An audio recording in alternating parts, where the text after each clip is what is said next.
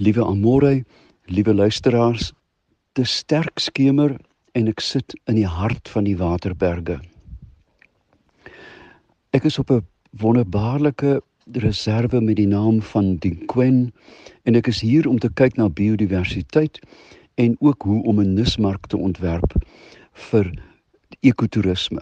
Nie sommer enige iemand nie, maar mense wat die spesiale klein goedjies van die wêreld wil beleef. Hoe het ek nie vergeet hoe pragtig die bosveld is nie. Ek sit en wag vir die eerste roep van die naguiltjie. Ek kyk na die kim waar die son ondergegaan het en dit lyk na die geheime binnekant van 'n skulp. Pink en geel wat oorloop in die sagste poeieragtige blou.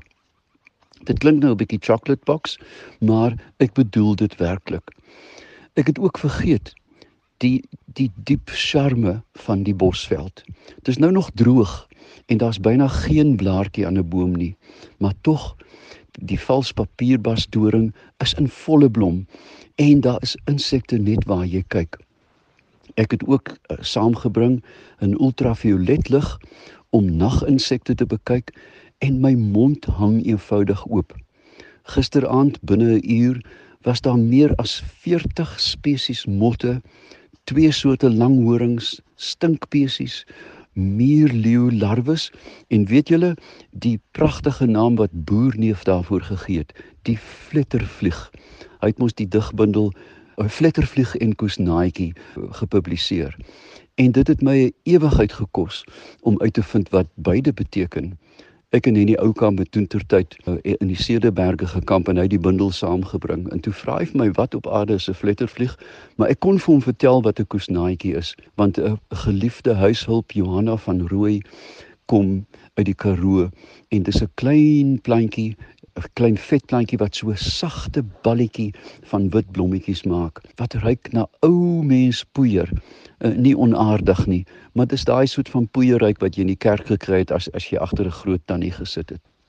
Ek het vandag gaan stap en gaan fietsry. En dit is eintlik die manier om die wêreld te verken, nie uit 'n voertuig uit nie. Ek kon tot teen aan kudus met my fiets kom tot by die sebras, tot by die waterbokke. En hulle verwag eenvoudig nie iemand op 'n fiets nie want hulle dink in terme van daai groot groen ding met die wiele wat so raas. En toe ek besef dat een ek so min weet van die bosveld, ek kan nie name gee aan dinge nie. Uh, die voels is vir my vreemd want dis nie my tuisgebied nie. En toe besef ek ook dat 'n mens is nooit ooit te oud om te leer nie. En dan is ek so dankbaar vir die werk wat ek doen dat ek elke dag kan sê ek leer iets nuut. En net so terloops verlede jaar was ek in Indië in die heilige stad Varanasi waar gelowige Indiërs kom om te sterf en om daar veras te word. Teen dagbreek op 'n boot op die op die heilige rivier Ganges het ek gesit en kyk na hierdie stad wat 4500 jaar bewoon is. Ek het gekyk na die klein huldebluike, 'n blaar wat gevorm is in die vorm van 'n bootjie met 'n klein kersie vir 'n geliefde. En skielik op jare het ek in trane uitgebars met die besef dat ek absoluut niks weet nie. Ek ek ek pleit glad nie pietyd nie, maar ek dink dit is 'n gesonde manier om die natuur te be benader, om te dink Ek weet so min van daai spinnekop en sy verhouding met die boom wat hy in is. Wat dink die boom? Ek is deesdae begin ek dink dat bome kan dink. Want ons weet tog dat as 'n akasia deur kudus bewy word, verhoog hy byna onmiddellik die tannienvlakke om so die vretery af te weer. En vandag het ek weer gesien die eerste botsels aan die aan die bome is almal rooi en dit is net onlangs wat ek uitgevind het dat hierdie rooi is sianietverbindings wat die boom maak om hierdie sappige sappige blaartjies te te beskerm teen gulsige bekke want dit is mos nou baie droog.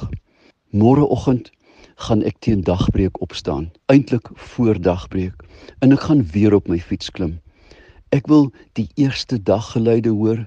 Ek wil die bosveld visante hoor, die vinke, die kakelaars, die laksmanne. Ek wil die eerste naaldekokers sien vlieg.